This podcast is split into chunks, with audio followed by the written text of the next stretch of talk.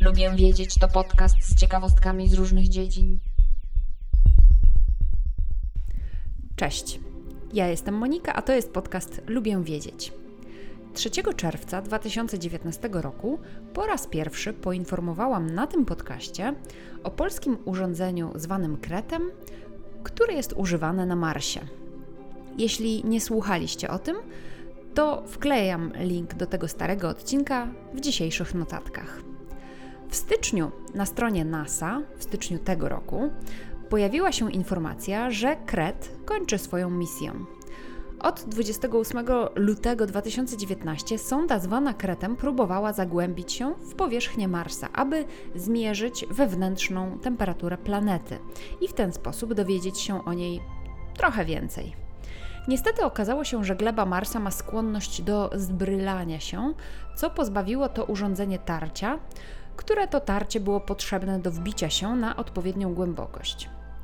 Konstrukcja kreta została oparta na glebie zaobserwowanej podczas poprzednich misji na Marsie, glebie, która okazała się bardzo różna od tego, na co faktycznie natknął się kret. Zespół przez dwa lata pracował nad dostosowaniem tego innowacyjnego instrumentu, unikalnego instrumentu do nowych okoliczności.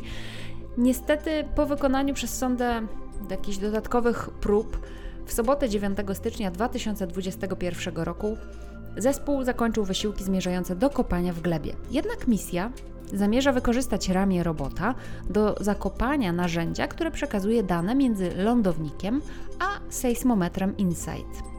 Zakopanie go pomoże zredukować zmiany temperatury, które powodowały do tej pory zakłócenia danych sejsmicznych. NASA niedawno przedłużyła tę misję InSight o kolejne dwa lata do grudnia 2022 roku. Oprócz badania wstrząsów sejsmicznych, lądownik przeprowadza eksperyment radiowy, w ramach którego zbierane są dane pozwalające ustalić, czy jądro planety jest płynne czy stałe. Czujniki pogodowe InSight są w stanie dostarczyć jednych z najbardziej szczegółowych danych meteorologicznych, jakie kiedykolwiek zebrano na Marsie. Wraz z instrumentami pogodowymi na pokładzie łazika Curiosity, NASA i nowego łazika Perseverance, który wyląduje 18 lutego, te trzy statki kosmiczne utworzą pierwszą sieć meteorologiczną na innej planecie było o krecie, a więc teraz będzie o kretoszczurach, które tak naprawdę nazywają się golce, golce piaskowe. Te bezwłose, przeważnie ślepe i głuche zwierzęta żyją w koloniach liczących do 300 osobników, które komunikują się takimi piskami czy też ćwierkami o bardzo wysokim tonie. Teraz naukowcy odkryli, że podobnie jak ludzie, wiele ptaków, także społeczności kretoszczurów mają swój własny dialekt, który nadawany jest i utrzymywany przez królową. Jeśli znacie kanał Dawida Myśliwca Naukowy Bełkot, to prawdopodobnie znacie też golca. Bo Dawid jest fanem golców i wcale mu się nie dziwię. Te zwierzęta mają szerokie portfolio dość nietypowych cech. Rzadko chorują na raka, żyją dłużej niż jakikolwiek inny gryzoń, a także mają wysoką tolerancję na ból. Naukowcy zainteresowali się nimi w latach 70. XX wieku, ponieważ są one również rzadkim przykładem ssaków żyjących, tak jak pszczoły i mrówki, w koloniach robotnic, czy też w koloniach jak robotnice rządzonych przez pojedynczą hodowlaną matkę, czy też królową. Naukowcy wiedzieli, że golce używają pisków do komunikowania się, ale do tej pory nie mieli pojęcia, jak skomplikowane było to komunikowanie się. Nowe badanie rozpoczęło się od nagrania powitania, który golce emitują, kiedy się spotykają. Jest to takie ciche ćwierkanie. W ciągu dwóch lat naukowcy zarejestrowali ponad 36 tysięcy tych ćwierknięć od 166 zwierząt żyjących w siedmiu koloniach w laboratoriach niemieckich i południowoafrykańskich. Aby zrozumieć sens tych dźwięków, Zespół opracował oprogramowanie, które automatycznie klasyfikuje dźwięki według ich cech akustycznych.